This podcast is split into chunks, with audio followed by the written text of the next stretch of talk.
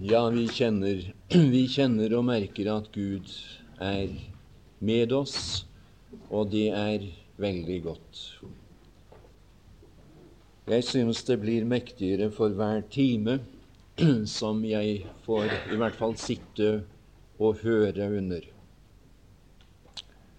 Og ikke minst var det godt nå i den siste bibeltime vi hørte.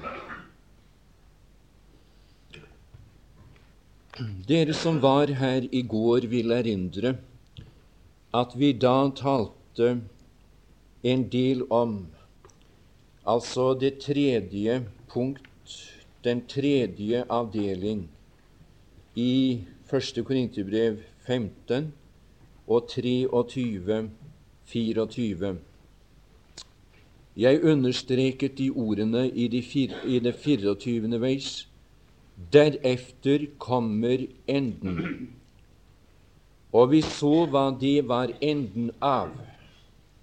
Altså enden av oppstandelsen, naturligvis.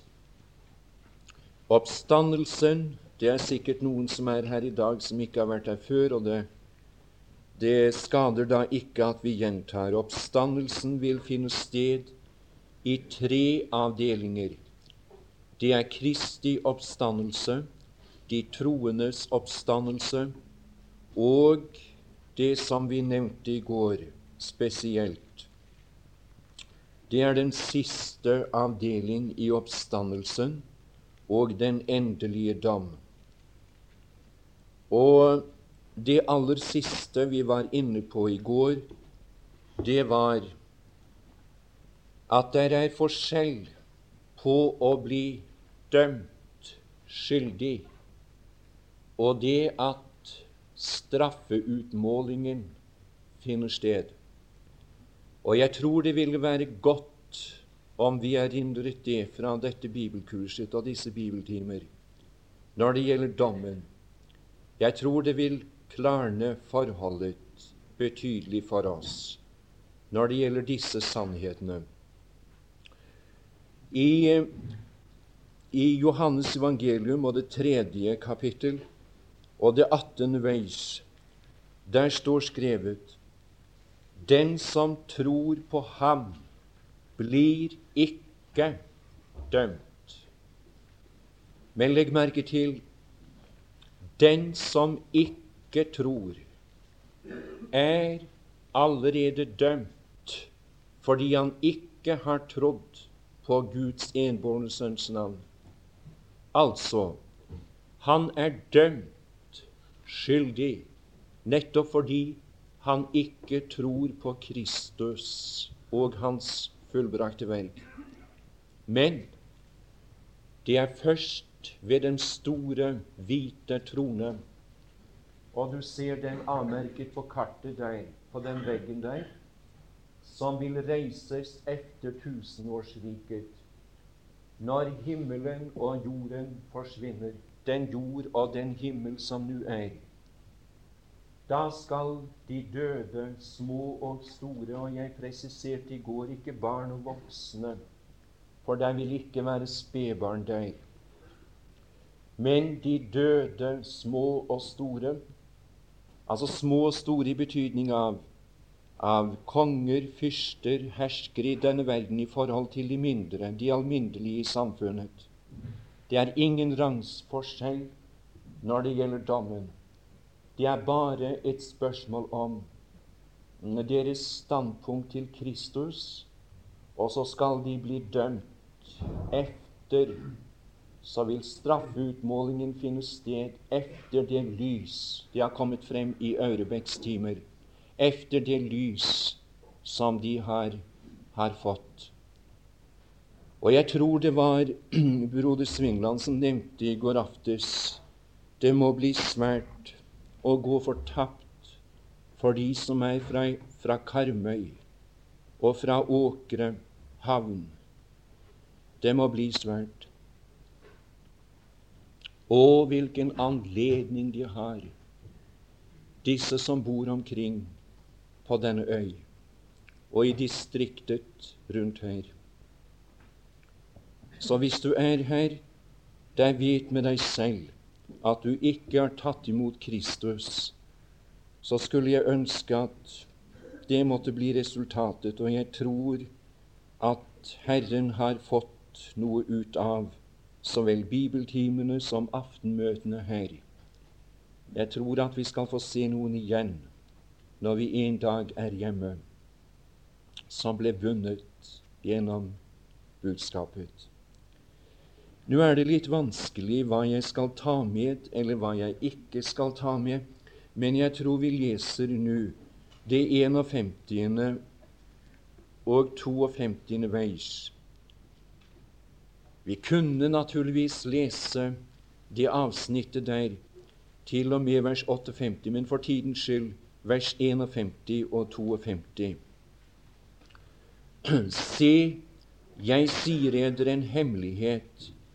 Vi skal ikke alle hensove, men vi skal alle forvandles i ett nu, i ett øyeblikk, ved den siste basun.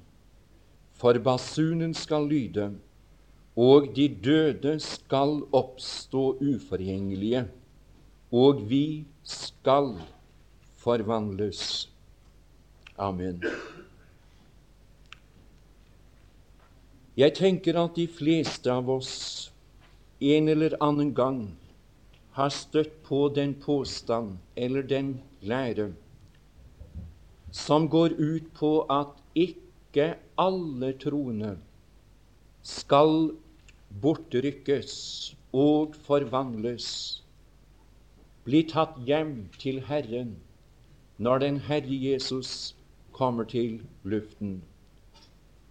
Og det er meget mulig at det er noen av oss Jeg vet i hvert fall at mange har lagt det for dagen tidligere, når jeg har talt med dem, gjerne etter et møte eller privat sådan ellers de har lagt for dagen en frykt for at de ikke skal bli med når den Herre Jesus kommer.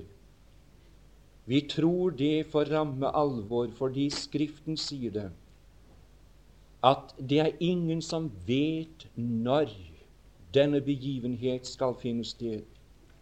Jeg sa det i går, og jeg kan like fullt og med like stor rett si det i dag at før denne bibeltime er slutt, så kan det være, være hendt. Han har kommet til luften, ned til lufthimmelen, til den, den sfære hvor fienden nå har sin operasjonsbasis.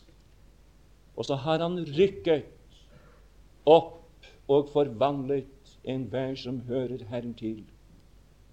Vi vet ikke det, men så er spørsmålet blir jeg med. Blir jeg med? Og det, jeg gjentar, det skulle ikke undre meg om det er noen som har sittet med det spørsmålet. Og jeg vil bare få lov å si deg, jeg forstår deg meget godt ut fra at jeg til dels har hatt den samme erfaring selv i mitt liv. Ikke minst som ung troende. Og tilbøyeligheten, merk hva jeg sier, tilbøyeligheten er der stadig. Og det blir ikke noe bedre når du kommer inn under innflytelse av en sådan lære som heter partiell bortrykkelse. Det ligger i selve ordet hva det betyr. At bare en del, bare en delvis bortrykkelse av frelste mennesker vil finne sted når Kristus kommer til luften. Det er utbredt, ikke bare i Norge, kanskje aller mest i Danmark og Sverige når det gjelder de nordiske landene men også mange i vårt land lærer dette. Så blir spørsmålet er jeg iblant dem som han tar opp, og som han forvandler.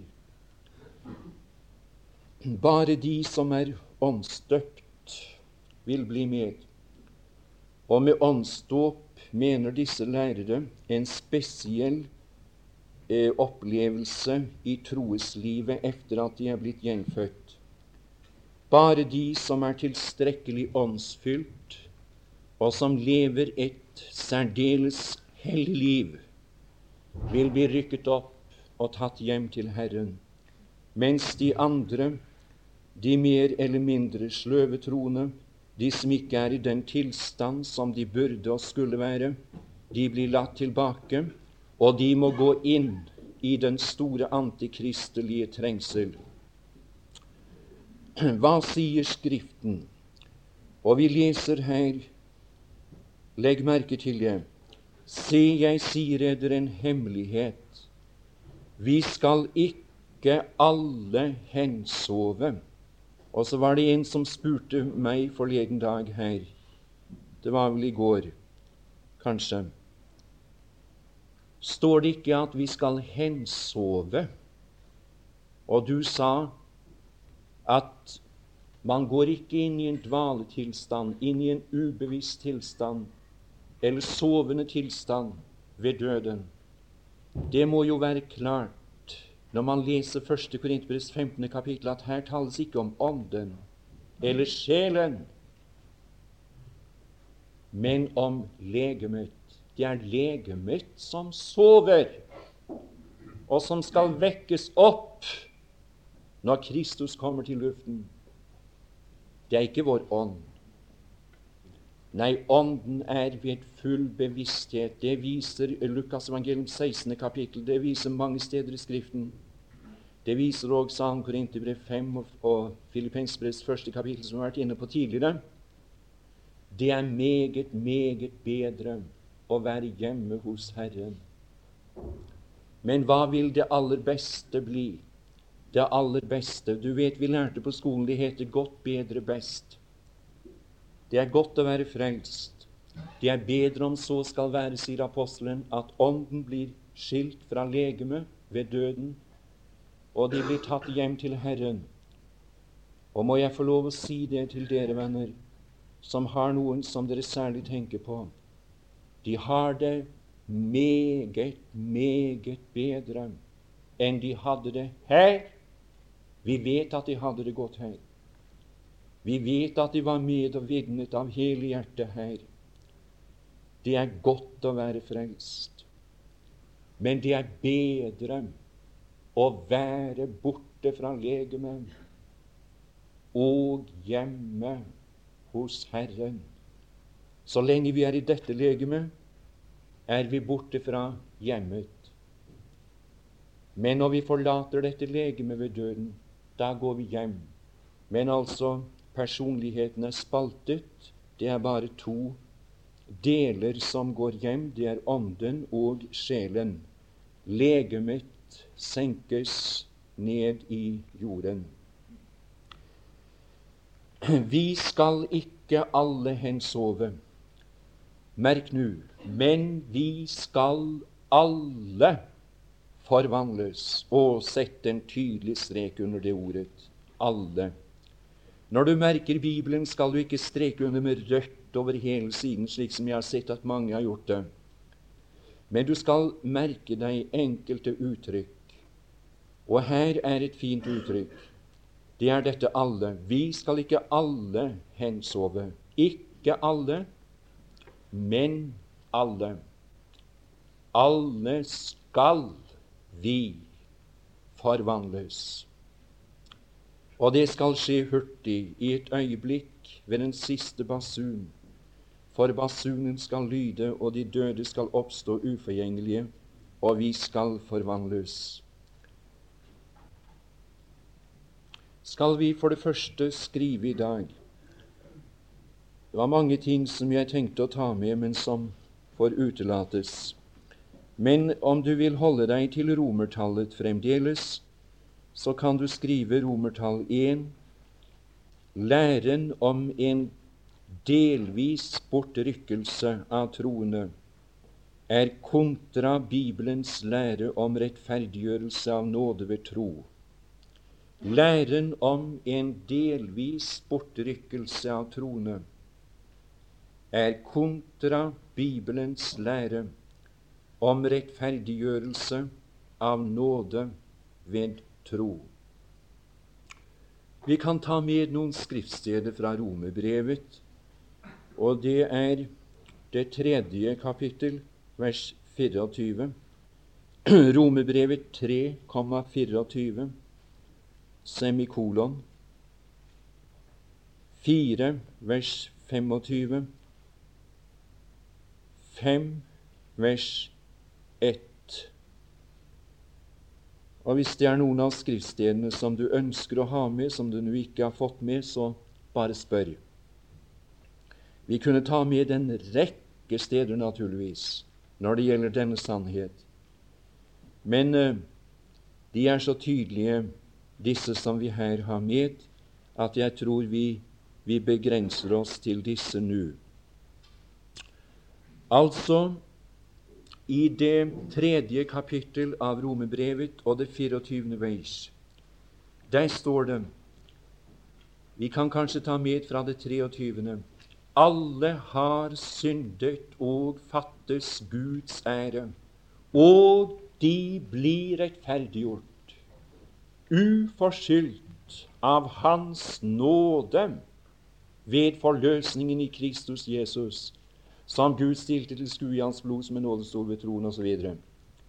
Altså, jeg ville bare peke på den kjensgjerning at et troende menneske i denne verden fra gjenfødelsesøyeblikket av fra den stund av at han vendte seg til Kristus, tok imot ham, fra det øyeblikk av er han i himmelen erklært rettferdig å være.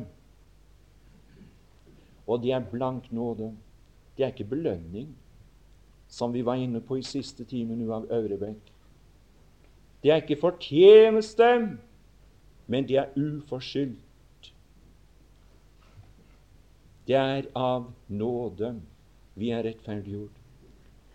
Og legg merke også til det fjerde kapittel, vers 25, altså det siste vers i kapittel 24, 4.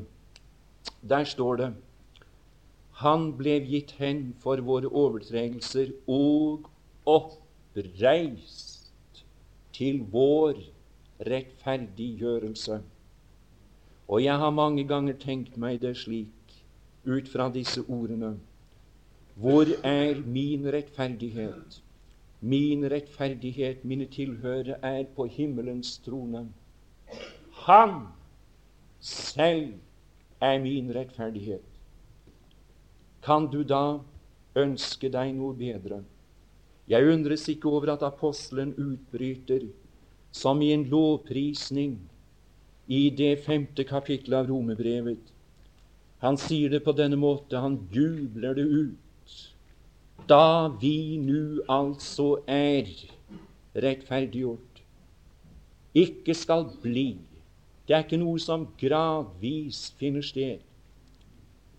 Det er ikke en utvikling, men det er noe som skjer i et øyeblikk.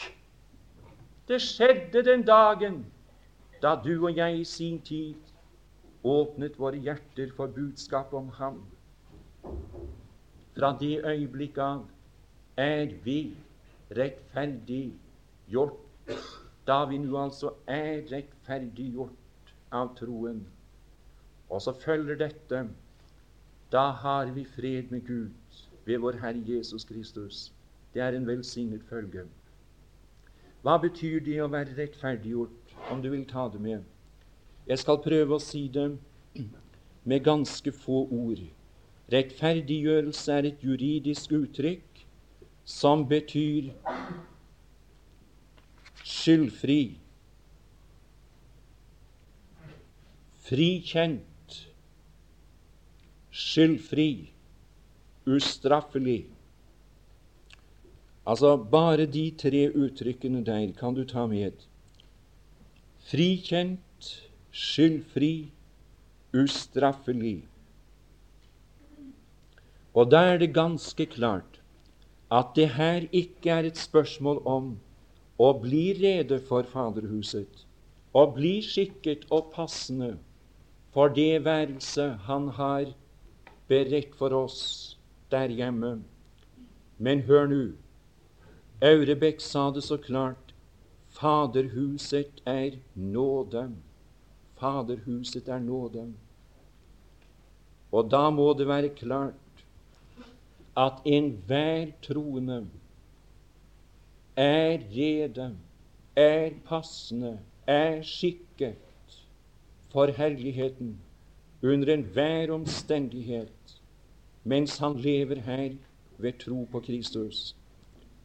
Så det er det samme hva tid han kommer. Og det er for så vidt hva det angår det samme på hvilken måte han kommer. Enten han henter meg, hvilket jeg i første hånd regner med, personlig ved å stige ned til luften, som jeg her taler om, eller han henter meg hjem via døden, så vet jeg at jeg går direkte hjem. Direkte hjem. Hvorfor? Fordi jeg er rede like skikket og rede for Faderhuset som Sønnen selv er passende for denne herlighet, rettferdiggjort, uforskyldt, av nåde, likestillet med ham innenfor Guds åsyn. Nei, vi har ikke grunn til å gå her og frykte eller å være redd for denne begivenhet. Var det noe vi skulle se frem til? Var det noe vi skulle vente på? Var det noe vi skulle være opptatt med i våre samtaler når vi møttes noen, noen troende mm, brødre og søstre i denne verden? Så skulle det være dette velsignede, salige håp. Han kommer snart. Vi skal snart se ham. Vi skal snart være der hvor han er. Jeg er glad fordi at jeg fikk visshet om dette ut fra Herrens ord allerede mens jeg var ganske ung. Og det har betydd meget i mitt liv som en trone. Ønsker at du skal ta imot denne vissheten. Herren vil gi deg den i dag. Ta den som fra ham gjennom disse ordene. Skal også du kjenne Så skal du også få erfare fred, velsignelse og kraft i ditt liv. Det er gjennom disse sannheter dette kommer til oss.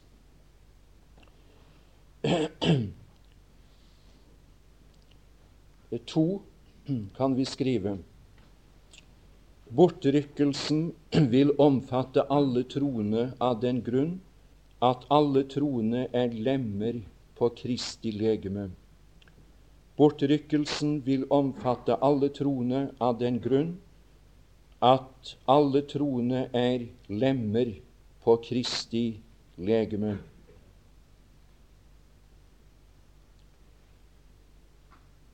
Som vi tidligere har sett, han hadde et legeme mens han vandret her nede. Det fikk han ved inkarnasjonen. Det fikk han ved fødsel et legeme som bestod av kjød og blod, ifølge Hebrebrevets 2. kapittel, vers 14. Men han har også et legeme i dag i Guds nærhet, ved Guds høyre hånd. Og det er godt at han ikke er der bare som Guds sønn, men han er der som et menneske. Det er en tanke som, som vi burde få tak i, og som vi, vi burde regne med når vi omgås Herren i vårt liv. Han er der som et menneske. Han har et legeme, sier Skriften, som består av kjød og ben. Et blodløst legeme. Og nettopp det er mønstret for det legeme som du og jeg en gang skal få når Han forvandler oss. Men like fullt sier Guds ord at Han har et legeme i verden i dag. Et legeme på jorden i dag. Dette legemet ble dannet på pinsedag. Og det er det som vi har hørt om her i timene. Du ser at den blå linje på kartet kommer først inn etter Kristi død og oppstandelse. Og det skjedde ved at Den hellige ånd, den tredje person i guddommen, ble sendt ned for å døpe disse troende jøder, disse som tok imot ordet. Og disse, eh, disse hedninger i Kornelius' hus en tid senere døpe dem til å være ett legeme. Det er noe ganske nytt, og det var det vi hørte også i siste time. Det er riktig som det ble sagt, det er skygger, det er forbilder, det er typer i Det gamle testamentet på dette, men vi har ikke menigheten, vi har ikke legemet omtalt direkte på et eneste sted i Gamle testamentet. Det var noe som var fremmet før Kristi død og oppstandelse. Men da Den hellige ånd kom, så ble legemet dannet, sier Skriften. Og vi kan ta med i denne forbindelse 1. Korinterbrevs 12. kapittel og det 12. og 13. veis.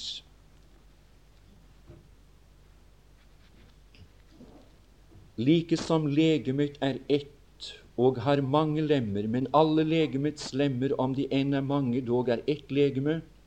Legg merke til således er det også med menigheten. Det er ingen som protesterer. Men jeg tror faktisk, venner, at det er mange som ville akseptere om det ble preket slik, om vi leste Guds ord slik. Nei, hør nå.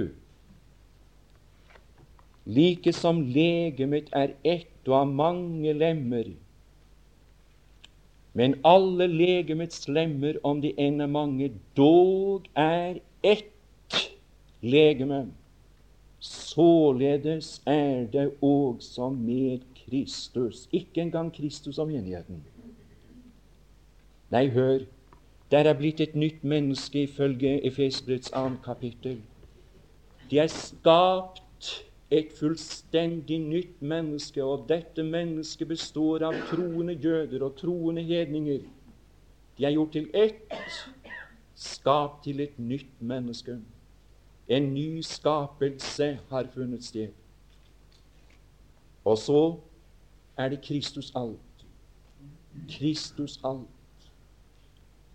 Jeg vet at det er mange troende som ikke ser noe større i det å være frelst enn de ser ikke noe annet i det å være frelst enn det at de eier syndenes forlatelse. Jeg skal si deg, det betyr langt mer. Det betyr at du er rettferdiggjort, som vi her har sett. At du stadig har fred med Gud. Det betyr, hør nå, at du er kommet inn i Guds familie. Du er blitt barn. Det betyr at du har stilling som sønn i Faderhuset. Det betyr også. Og det synes meg å være det største. Noe, noe større har jeg ikke erkjent. Det er dette. Det å være en troende betyr at, at jeg er et stykke av Kristus selv. Jeg er et lem på hans legeme. Vi er døpt til å være ett legeme, og åndsdåpen kan kun forstås i forbindelse med legemet. Du kan ikke rive de to ting fra hverandre.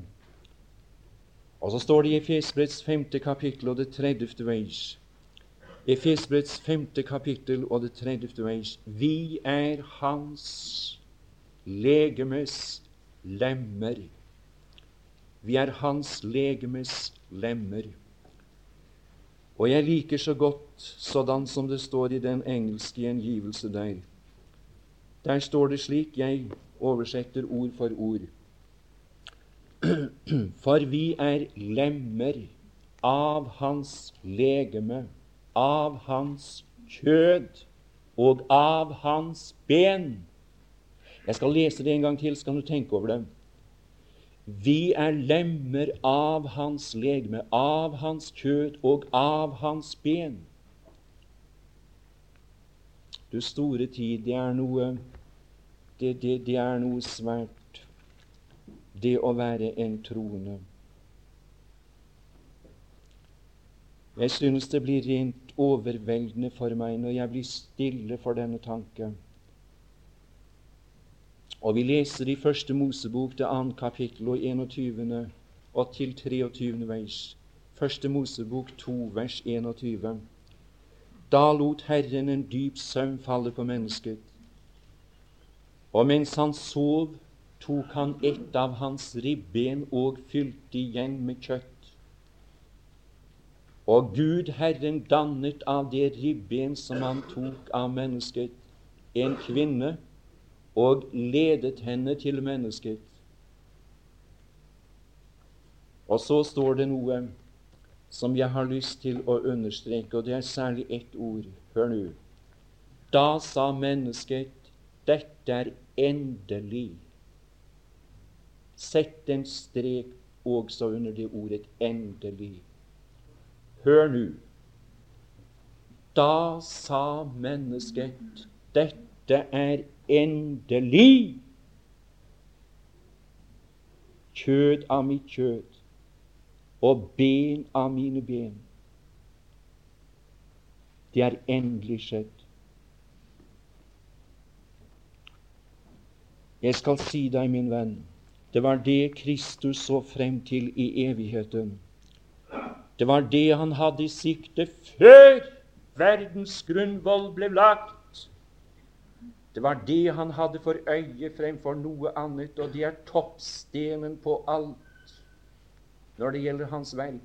Det er dette at han, etter at han hadde fullført forsoningsverket og forløsningsverket, oppstått fra de døde og gått hjem til himmelens trone, kunne sende Den hellige ånd til denne verden og danne legemet.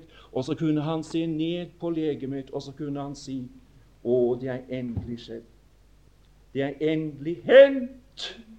Det er blitt ben av mine ben. Det er blitt kjøtt av mitt kjøtt.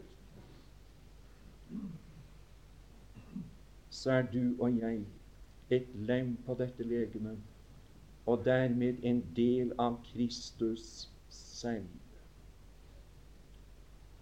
Jo, hører jeg noen sier dette er vel og bra, dette er nok riktig, sant nok.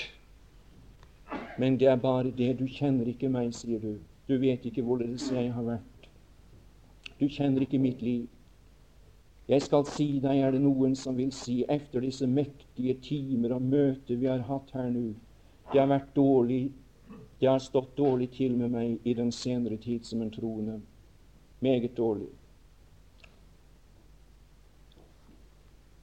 Så sier du du kan nok ikke tale så fritt til meg.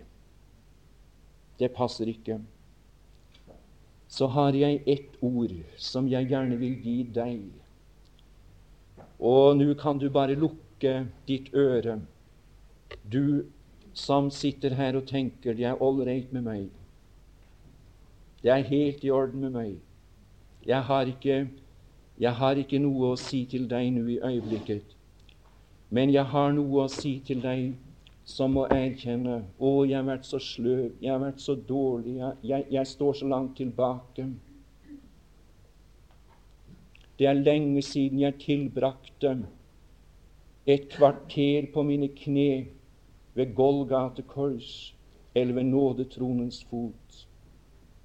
Det er lenge siden det. Du vet ikke hvorledes jeg er, sier du. Det er lenge siden jeg talte med noen om Herren. Det er lenge siden jeg bekjente Hans høyhellige navn i denne verden. Jeg står så langt tilbake, og det er noen av dere som kanskje må si, når dere har sittet her nå under disse mektige møter bare jeg kunne regne med at det er for meg. Skal du høre. I første Korintibrevs tolvte kapittel og det, annet, og det 22. veis, altså 1. Korinterbrev 12 og vers 22, der står skrevet noe som jeg vil at du skal notere deg. Og det lyder sådan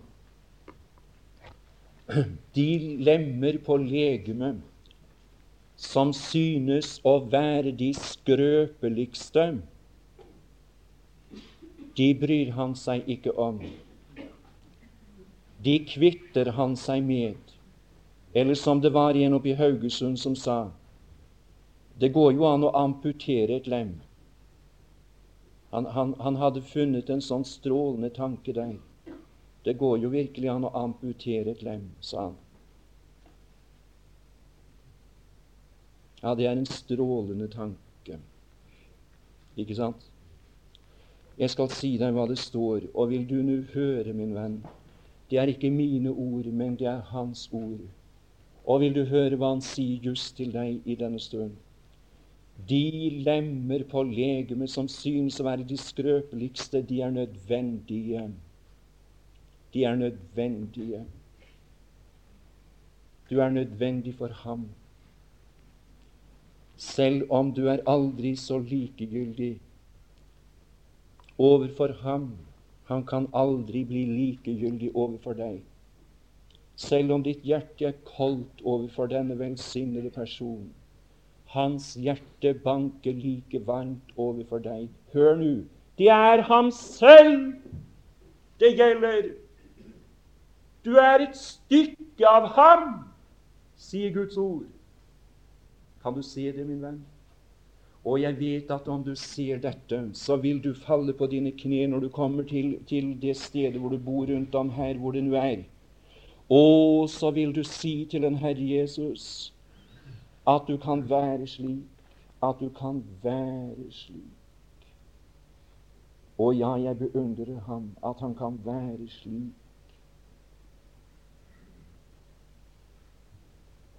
Ja, dette er noe av hva det betyr å være frelst. Og jeg skal si deg, hvis ikke dette kan vekke deg, hvis ikke dette kan, kan tenne en brann i din sjel til ham i første hånd, og også utad, utover, til dine medmennesker, så er det ingenting som kan det. Gud gi at denne tanke kunne gripe deg. Kommer han for å splitte sitt legeme? Kommer han for å lemleste sitt legeme? Efesbrevet 5,23 sier at han kommer for å frelse sitt legeme. Han er sitt legemes frelser, står det skrevet. Han er sitt legemes frelser. Ja, men hva hva kan jeg da regne med? Jeg kan regne med at også, også det lem på legemet som jeg er, også det lem skal rykkes opp til hodet når han kommer til luften. Også min plass skal være tom. Også jeg er et stykke av ham.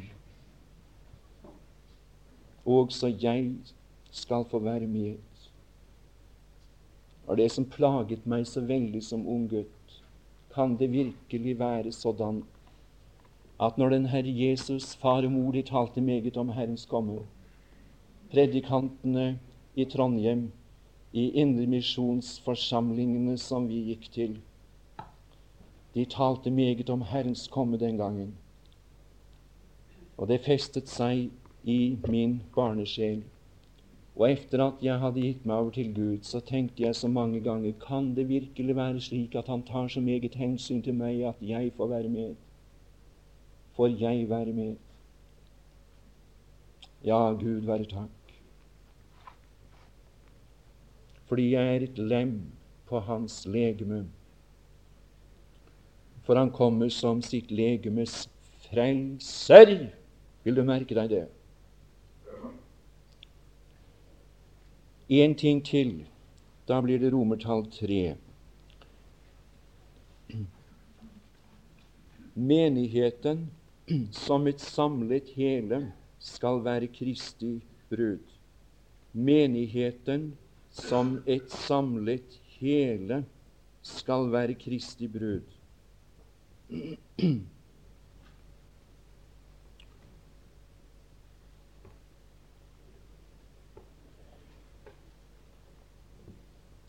Vi bør være oppmerksom på at menigheten er Kristi brud. Den enkelte troende er ikke Kristi brud. Det er ikke altså som individer. Vi er Hans brud, men det er som en samlet helhet og enhet. Vi utgjør Hans brud. Og det, eh, det nye testamentet det nye testamentets brever taler om de troende som individer, men taler også om dem kollektivt.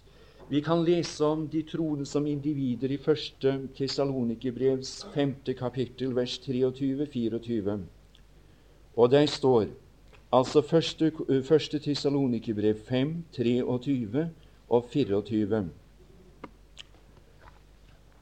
Men Han selv, fredens Gud, hellige eder helt igjennom, og gid eders ånd og sjel og legeme Her er tredelingen.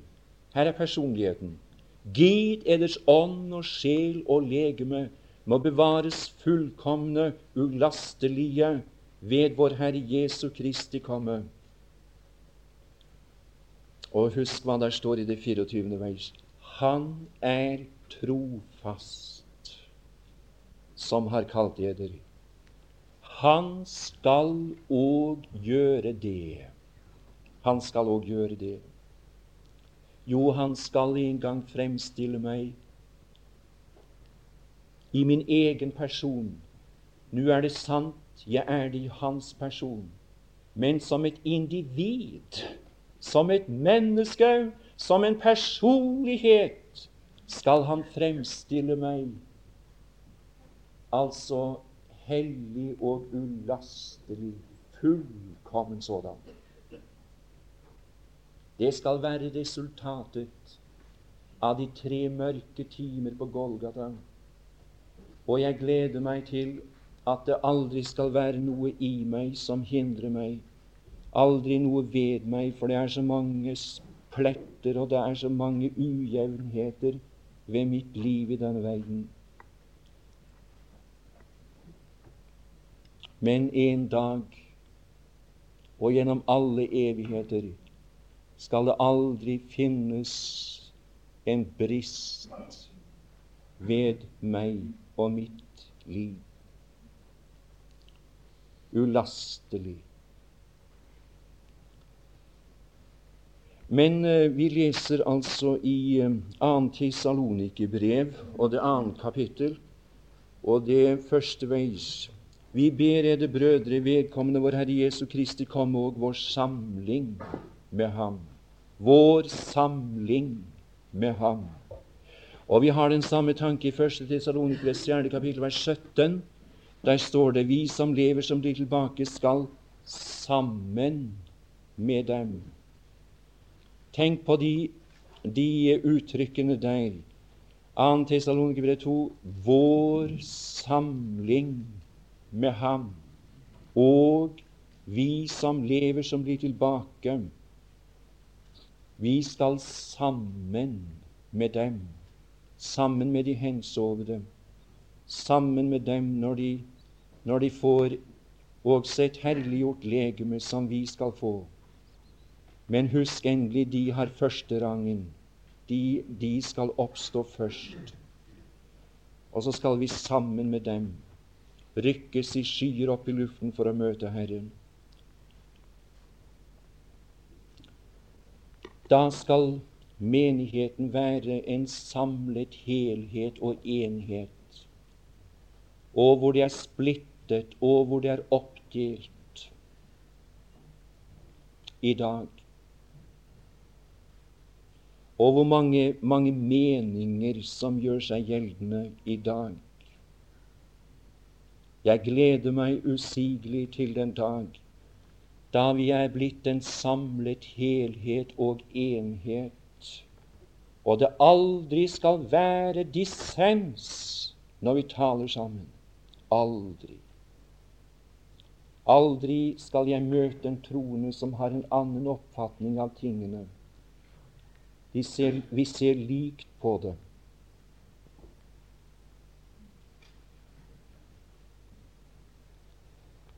Og så står det i det femte kapittelet av Efesebrevet, og der det og der det 27. veis. han skal fremstille henne, eller han skal fremstille menigheten, for seg i herlighet. Og det var nettopp det han hadde for øyet med å dø på et forbannelsens tre. Han skulle fremstille menigheten for seg i hellighet. Og strek også derunder de to de tre ordene 'for' fremstille menigheten for seg. Altså de to ordene 'for seg'. Ikke for andre, men for seg selv. Han skal selv se og beundre og nyte det endelige resultat av sin død. Fremstille henne på hvilken måte? Fremstille menigheten for seg uten plett eller rynke eller noe sådant, men at den kunne være hellig og ulastelig. Si meg, min broder og søster, hvis det skulle være noen representant av den oppfatningen her, som mener at det er bare en del som har, vil få det privilegium å bli rykket opp når Herren kommer. Ville dette legeme, eller ville et legeme være fullkomment dersom det er en lillefinger som mangler? Ville det være ulastelig dersom det mangler, la oss si, en lille tå? Det er klart, der var en plett, der var en skavank, der var en feil, der var noe som manglet. Hør, han skal fremstille menigheten for seg uten plett eller rynke eller noe sådan. Den skal være hellig og ulastelig. Derfor så skal din plass være tom, enten du ser det eller ikke. Enten du er erkjent eller ei. Du er et lem på hans legeme, og din plass er tom. Når Kristus kommer til luften, så rykker han deg bort og under den store antikristelige trengsel.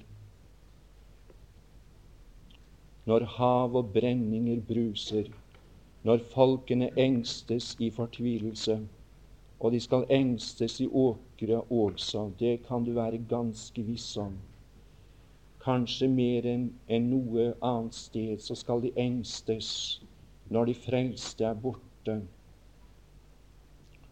Og Gud gi at vi måtte få riktig mange med og Gud gi at denne dagen må være viet Herren, at vi tenker på aftenmøtet, at den samme gode, hellige, mektige ånd som har virket før, må få virke i aften og i morgen, om vi skal oppleve dagen. Så noen må legges til. Det er det normale. Det er ikke normalt at det ikke fødes barn. At det ikke legges noen til. Det er det ikke. Det er i aller høyeste grad unaturlig, unormalt. Herren la hver dag dem til menigheten som lot seg frelse, vår Gud og Fader.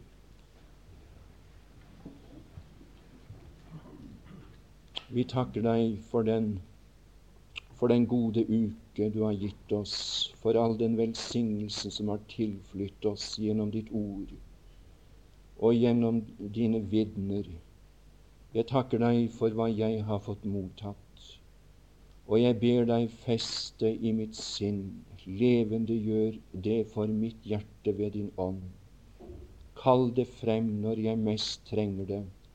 Det er du mann for, Herre, selv om meget av det synes å være glemt nu, så er det der.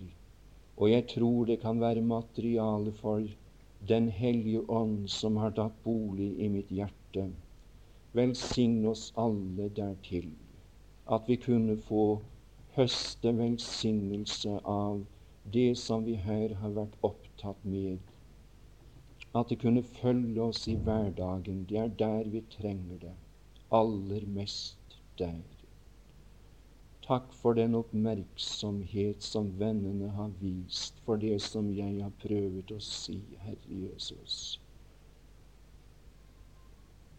Og la det lykkes at også mitt vitnesbyrd og de ord jeg har fått delt med vennene her, kunne bli til rik velsignelse.